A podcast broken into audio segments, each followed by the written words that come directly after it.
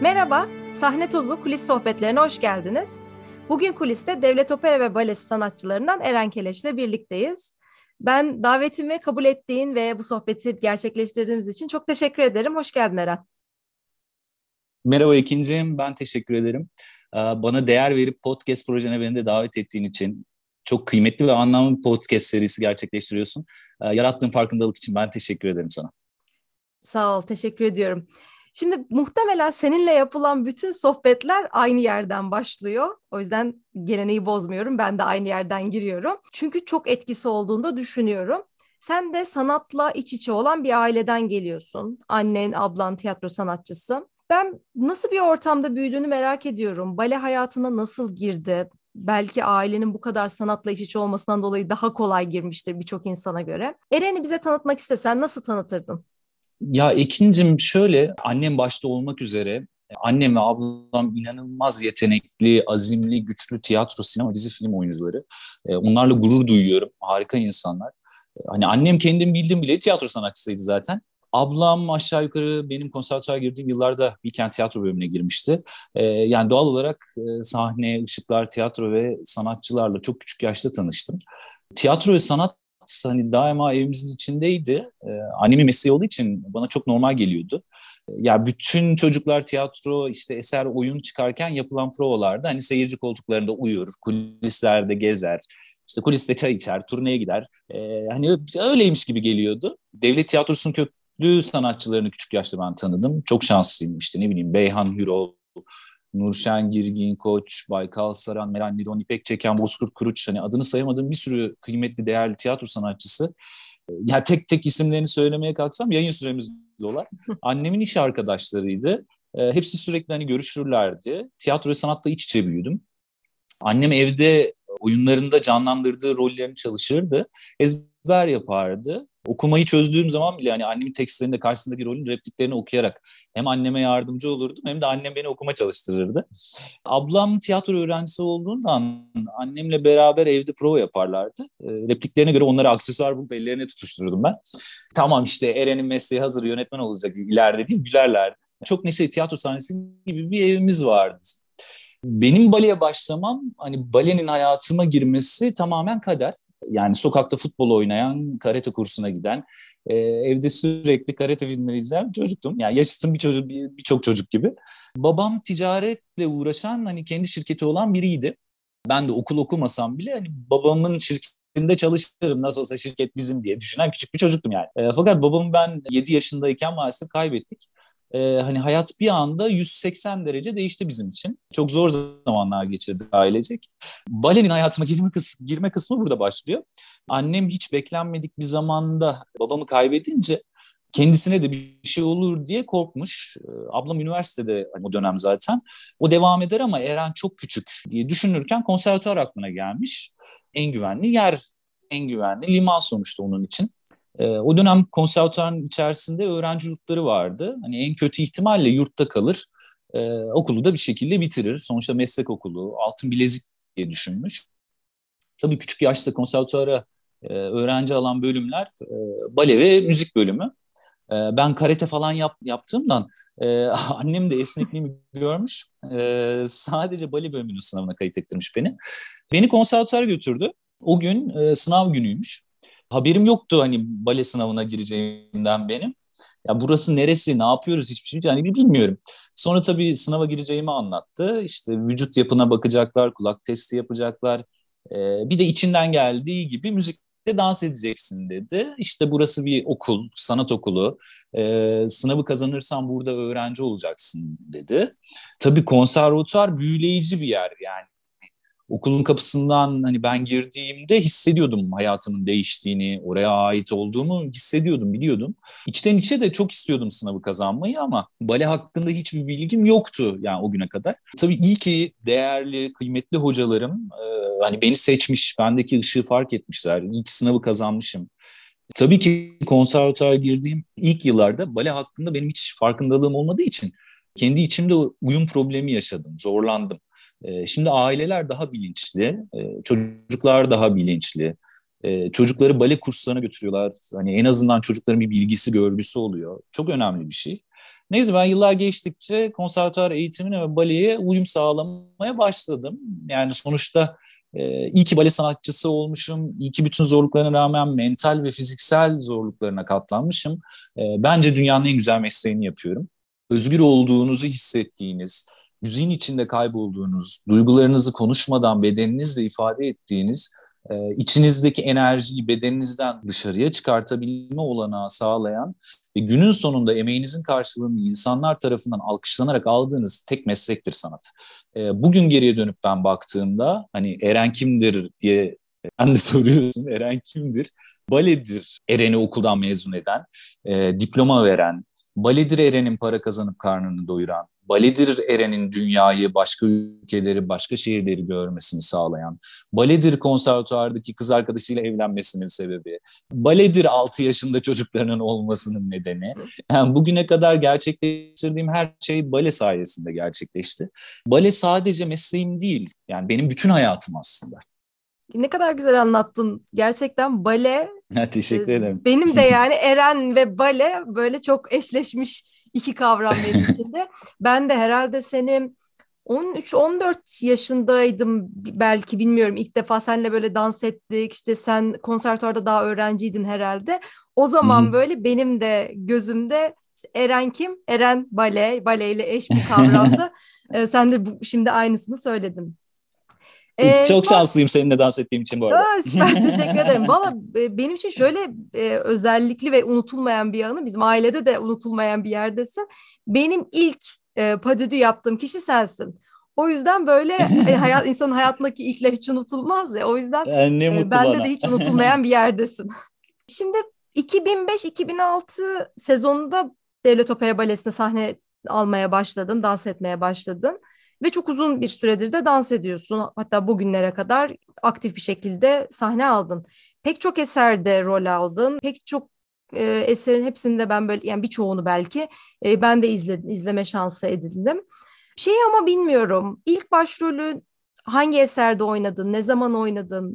İlk hani ilkleri konuşuyoruz ya. ilk başrol de çok mutlaka önemlidir. E, sende nasıl hisler ve duygular kaldı? Ya aslında biraz baştan alayım ben. Şöyle, çünkü bir gecede aslında e, hani başrol dans etmiyorsun. Biraz işler öyle olmuyor. En azından herkes için öyle olmuyor. E, ya ben evet uzun süredir hani profesyonel olarak Ankara Devlet Opera Balesi'nde dans ediyorum. Okuldan mezun olduğunda insan kendisini böyle küçük dağları ben yarattım havasında oluyor. Teknik olarak da bir çakı gibi oluyorsun. E, ama sahne tecrüben olmadığından profesyonel danslık çok farklı oluyor okuldan işte başrol dans ederek mezun oluyorsun belki. Profesyonel kampanyaya gelince herkes için işler öyle olmuyor yani. İlk sahneye çıktığımda mesela ben e, seyirciyi bile görmedim. E, o zaman Don Quixote eseri oynanıyordu. E, üniversite son sınıfta okurken aynı zamanda operada çalışmaya başlamıştım. E, bana verilen ilk görev işte Don Quixote'un bu yel değirmeni sahnesinde e, yel değirmeninin arkasında görünmeden saklanarak yel değirmenini çevirmekti. Yani o dekorcuların yapacağı işi yaparak ben ilk defa sahneye çıktım. Sonraki eserlerde işte sırasıyla figüran oldum, sonra grupta dans ettim, sonra solist dans ettim, en sonunda başrol dans ettim. Ee, yani çok eserde, çok rolde dans ettim. Ee, çocuk bale eserlerinde dans ettim, opera eserlerinde dans ettim. Ee, yani mesela yeni yeni bana şans vermeye başladıklarında işte cumartesi akşamı dünyanın en ağır e, beyaz balesidir Kuğu Gölü. Onda Rothbard kötü büyücüyü çıkıp dans ediyordum. Pazar sabahı gidip Çizmeli Kedi Çocuk Balesi'nde dans ediyordum. yani çok dans ettim. İlk başrolümü tam hatırlayamıyorum ama sanırım e, ya Notre Dame'ın kamburunda şairdi ya da Zorba'daki John rolüydü. Hani aynı zamanlara gelmiş olabilir. E, şunu bir tek hatırlıyorum. Operaya ilk girdiğim yıllarda selama çıktığımız zaman en arkada duruyordum hani sıralamaya göre e, selam verdiğimde hani bir gün ben de hani en önde selam vereceğim diye düşünürdüm. E, ilk kez başrol dans edip selam verdiğimde başıma eğdim. E, aklıma ilk gelen hani en arkada durup selam verdiğim halimin görüntüsü kafamda canlandı. Ee, ve kendi kendime dedim ki ya başardım. Bugün hani başardım dediğimi hatırlıyorum. Yani o günden kalan. Ee, ondan sonra da uzun yıllar solist ve başrol dans ettim. Ee, çünkü geldiğim yeri biliyorum, emeğimi biliyorum, tırnaklarımla geldiğimi biliyorum. şansım şu oldu. Ankara Devlet Balesi'nde e, Türkiye'nin en iyi dansçılarını izleyerek, partner olarak ya da omuz omuza dans ederek ben yoğuruldum. Türkiye'nin en iyi çalıştırıcılarıyla hani provalarımızı gerçekleştirdik. Bizim işimiz usta çırak işi. Ustalarımın emeği bende çoktur. Ee, tabii ben de çok çalıştım ve çabaladım başrol dans edebilmek için. Bale çok uzun bir süreci kapsıyor. Gerçekten ciddi bir emek var. O yüzden o başardım demek insanın içinde öyle bir duygu fırtınası yaratıyordur ki eminim. Çünkü arkada işte hep derler ya bale, kan, ter, gözyaşı derler ya. Ben çok abartılan Doğru. bir şey olduğunu düşünmüyorum bunun. o yüzden o başardım hissi böyle gerçekten e, o emeklerin ödülü gibi gelen bir şey olduğu için e, eminim çok değerli bir yerde olmuştur. Senin için de öyle bir yerde kalmıştır. Evet, evet. Şimdi hayat diyoruz. Aslında ben seni dediğim gibi yıllardır belki tanıyorum ve bir, bir değişim içindeyiz hayatta. Sen hayatın belli yerlerinde hayatın evriliyor. İşte benim hayatım aynı şekilde evriliyor. Hayattaki rollerimiz değişiyor. İşte bu bir gün balet diyoruz, bir gün baba diyoruz rolüne giriyorsun, bir gün eş rolünde oluyorsun. Ben bir iş kadın rolünde oluyorum belli yerlerde. Ve hayatımızda bazı bu değişimler yaşanırken birçok noktada bilincimiz artıyor. Belki bazı konularda cesaretimizi kaybediyoruz çeşitli adımları atarken. Senin de mesela ben bile dışarıdan bir gözle baktığımda benim ilk tanıdığım Eren'le bugün tanıdığım Eren arasında dans ediş şekilleriyle bir ilgili birçok değişim var. İnsan kendi kendini daha da iyi gözlemleyebiliyordur mutlaka. Sen kendine böyle baktığında ilk sahneye mezun olup ilk sahneye çıkmaya başlayan ya da belki konservatuvar ilk giren Eren'le e, bugüne geldiğinde kendine nasıl bir gelişim, değişim görüyorsun? Çok zor soru sordun ya. E, şimdi şöyle, e, insan hayata her zaman tabii farklı karakterlere bürünüyoruz ama hayata uyum sağlaması gerektiğini düşünüyorum ben. yani mesela profesyonel danslık işte için şöyle uyum sağladım diyebilirim. Yani okuldan mezun olunca profesyonel hayat da hani sorumluluklarınız arttığı için yine dediğim gibi uyum sağlamanız gerekiyor. Ya işte mesela prova saatleriniz artıyor, ona göre dinlenmeniz, beslenmeniz gerekiyor. Prova yapmaktan kaslarınız, adeleleriniz biter. İşte duşa girersiniz, sıcak kaynar suyla adelelerinizi yumuşatmaya çalışırsınız ama yarım provanız vardır. Hani adele fazla yumuşarsa o da olmaz e, bu sefer e, sıcak suyun üstüne bir de soğuk e, buz gibi çivi gibi suyu açarsınız. Hani altında beklersiniz. Tam bir eziyet yaşarsınız. Balenin böyle sıkıntıları da var. Ne bileyim seyirci sizin hasta ya da sakat olduğunuzu bilmez, bilmesi de gerekmez. Sizin de hissettirme gibi bir lüksünüz yoktur. Ben konservatuarda okurken mesela Mürde Hoca çok saygı duyduğum değerli bir hocamdır. Bir prova, toplu prova esnasında ben biraz hastaydım herhalde. Beni yanına çağırdı. Ya Eren iyi misin? Bir şeyin mi var dedi. Hocam biraz hastayım. Çok zorlanıyorum falan dedim. Ee, Eren sen artık profesyonel dansçı olacaksın. Seyircinin e, umrunda olmaz senin bugün ne yaşadığın demişti ve aklımda o kalmıştı. Çok fikirlerimi değiştirmişti. O günden beri de hani bütün hayatım boyunca onu uygulamaya çalıştım. Kendinize iyi bakmanız gerekir. Yoğun çalışmaktan sakatlanırsınız, acı çekersiniz ama yine de sahnede gülersiniz. Yani mideniz bulanır temsilde hastasınızdır. Kulise çıkarsınız, yere kusarsınız, geri sahneye çıkıp gülümseyerek rolünüzü gerçekleştirirsiniz. Partnerimi havaya attım, tuttuğum bir liftte e, boynumda, omurgamda kırık oldu. Doktora gittim. Trafik kazası mı geçirdin sen dedi. Yani ani bir çarpmayla hani böyle bir şey olabilir anca dedi. Ya beş gün mesela boyunluk takarak prova bale dersi yaptım lifti değiştirdik. Temsillere devam ettim. O acıya alışıyorsun. Yani bütün hayat için geçerli. Yani bir acı eşiğin belli bir yerden sonra işte o acıya alıştıktan sonra seni bir yere taşıyor. Ee, ne bileyim modern bir eser dans ediyorduk. İşte ayağımda tarak kemiğimde bir çatlak oldu. Ee, ben o çatlağı bile bile temsile çıktım. Çünkü yani bana o temsil verilmiş. Benim çıkmam gerekiyor. Yani sakat da olsam seyircinin karşısına çıkmalıyım yani. Zaten ömrümüz kısa, bale ömrü kısa bir süreç. E, çatlağa daha sonra ben aynı yerde tabii ayağımı kırdım. ben kayınvalidemi kaybettim mesela. Gündüz toprağa gömdük kendisine. E, çok üzgündük. Ailecek bitap bir haldeydik. E, ama akşam çıkıp ben e, temsilimi gerçekleştirdim yani yapacak bir şey yok. İşte yurt dışında, yurt içinde bir turneye gideriz. Hani gittiğimiz çoğu ülkeyi, çoğu şehri ben gezmeden, görmeden, odamdan çıkmadan döndüğümü çok iyi biliyorum. Yani profesyonellik e, yaşantından, kendinden ödün vermeden maalesef olmuyor. Profesyonel yaşantı insanı yoğuruyor. Hani uyum sağlayıp fedakarlık yapabilecek cesaretin varsa e, seni geliştirip o dönüşümü sağlıyor. Ne kadar önemli gerçekten bunlar böyle baktığın zaman aslında bale sanatı bir yerlere gelebiliyor ya da herhangi bir işte aslında. Yani onu profesyonel Tabii. olarak aldığın de yani o sorumluluğu yüklendiğin zaman zaten hiçbir zaman hiçbir şey kolay değil. E, bizim sahnede belki biz 3 saat ya da 2 saat bir eser izliyoruz. Büyüleniyoruz, çıkıyoruz ama o eseri oraya gelebilmesi için işte dediğin gibi birçok fedakarlık, birçok yoğun çalışmanın bir sonucu olarak çıkıyor. Hiçbir şey öyle kolay bir şekilde gelmiyor. O yüzden e, bir şeyler izlerken bunları bilmek şu yüzden önemli. İzlerken daha farklı bir gözle izliyorsun. Evet. Çok, çok daha etkileniyorsun. O selamda belki gözün doluyor çünkü biliyorsun ki orada inanılmaz bir emek var ki sahnede yani seyircinin bu kadar etkilenmesi deyince de aklıma direkt senin oynadığın Zorba Balesi geliyor. Seninle konuşurken ben Zorba'yı konuşmadan geçemem. Kaç sene oynadın Era? Hatta kaç kere sahne aldın? Öyle bir şey var mı? İnan hatırlamıyorum. Çok uzun yıllar oynadık. Bu son işte final sahnesi bitsin artık sayısını da rakamları da tutamaz olduk. Ama şey rekorlar kırılmak için vardır ya. Her zaman oynar yani. Ya gerçekten yani izleyenler varsa ne demek istediğimi çok iyi anlayacak. İzleyenler yoksa da şöyle bir özet geçeyim. Bir kere Zorba Balesi zaten müzikler, melo işte ritim dolayısıyla çok sevdiğimiz de e, bir eser. E, bir yandan da çok yüksek enerjiyle zaten başından sonuna kadar devam eden bir eser. Bir de o son dediğin kısımda o biste Koda'nın tekrar tekrar oynanması, seyirciler ayakta işte büyük bir e, coşku, e, tekrar en başa dönüyorsunuz, tekrar oynuyorsunuz falan. Böyle inanılmaz bir duyguyu ben hala şu an böyle heyecanla anlatıyorum.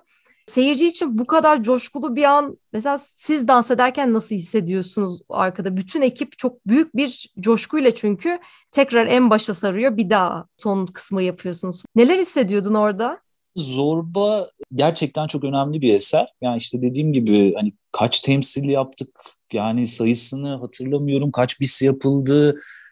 Ben Amerikalı John karakterini canlandırdım. Hani zorba deyince insan aklına ilk zorba karakteri geliyor ama eser ilk Ankara Devlet Balesi'ne konulduğu zaman ben ikinci kastım John karakterine. E, Cankat Özer birinci kastı. Başlarda Cankat rolü canlandırdı. E, sonrasında Burak'la biz beraber, Burak Zorba'yı oynadı. Burak'la beraber iyi bir ekip olarak uzun süre dans ettik. E, yani Zorba için ne diyebilirim bilmiyorum. Hani Zorba vesilesiyle ben işte İrek Muhammedoğlu'la yani dünyanın en büyük e, bale sanatçısıyla beraber dans ettim. İşte keza e, Igor Yebra, Bordo Balesi'nin baş dansçısı. Onunla dans etme şansım oldu. Biz Ankara Devlet Balesi olarak İspanya'da temsil yaptık. İşte ne bileyim Kıbrıs'ta yaptık, Aspendos'ta oynadık, Çeşme'de oynadık, Efes'te oynadık, Bodrum'da oynadık, İstanbul'da oynadık, Ayvalık'ta oynadık. Yani oynadık da oynadık. Ankara'da yıllarca dans ettik. Ben ayrıca eserin koreografı Lorca Masin tarafından hani davet edilerek e, Litvanya'da e, dans ettim e, kendi karakterimi. E, yani Zorba eseri benim için çok zorlayıcı bir eser. E, iki perde boyunca full sahnedeyim. Finalde gerçekten hani adrenalin patlaması yaşıyorsun. E, benim oynadığım karakterde. E, temsillerden sonra ben çoğu gece uyuyamazdım. Ya Zorba sadece bir bale eseri değil benim için. Yani eserin tamamını, hikayesini, romanını yaşamak gerek, hissetmek gerekti. Benim için anlamı hissettirdikleri hayat size ne kadar darbe vurursa vursun, ne kadar yıkılırsanız yıkılın, e, hayata dans ederek, umut duyarak devam edebileceğinizi gösteren bir eser. Sadece bir roman, film ya da bale değil, bence hayatın kendisi zorba süper söyledin. Ben e, belki de sen bunu söyleyince şey düşündüm. Acaba biz bu yüzden mi bu kadar heyecanlanıyoruz izlerken? sen bu kadar duyguyla dans ettiğin için işte bu yansıyor karşı tarafa. Çünkü bir etkileşim ne mutlu var. Bana, teşekkür ederim. Ee, kesinlikle belki de böyle hissetmesen ya da bu kadar içselleştirmesen biz de belki bu kadar arka planda izlerken heyecanlanmayacağız. Valla ben üç kere falan izledim. Sen kaç kere oynadın bilmiyorum ama bir kere daha olsa yani zaten çok özledik bir, bir yerlere gidip bir şeyler izlemeyi. Ben gene koşa koşa bilet bulabilirsem ki Ankara seyircisi bu konuda şeydir. Biletlere böyle sabahın köründe internetin başına evet. geçer, kuyruklar oluşuyor Çok şanslıyız. Falan. Gerçekten iyi bir seyircisi de vardır Ankara'nın.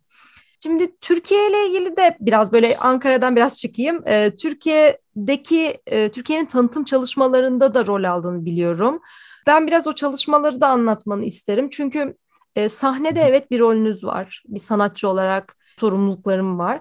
Ama anladığım kadarıyla sen ülkenin tanıtımında da kendine bazı roller edinmişsin ve Türkiye'nin tanıtım çalışmalarında da e, rol aldın. E, o yüzden böyle konuşmamızın sonuna doğru gelirken o kısmı da biraz duyayım isterim.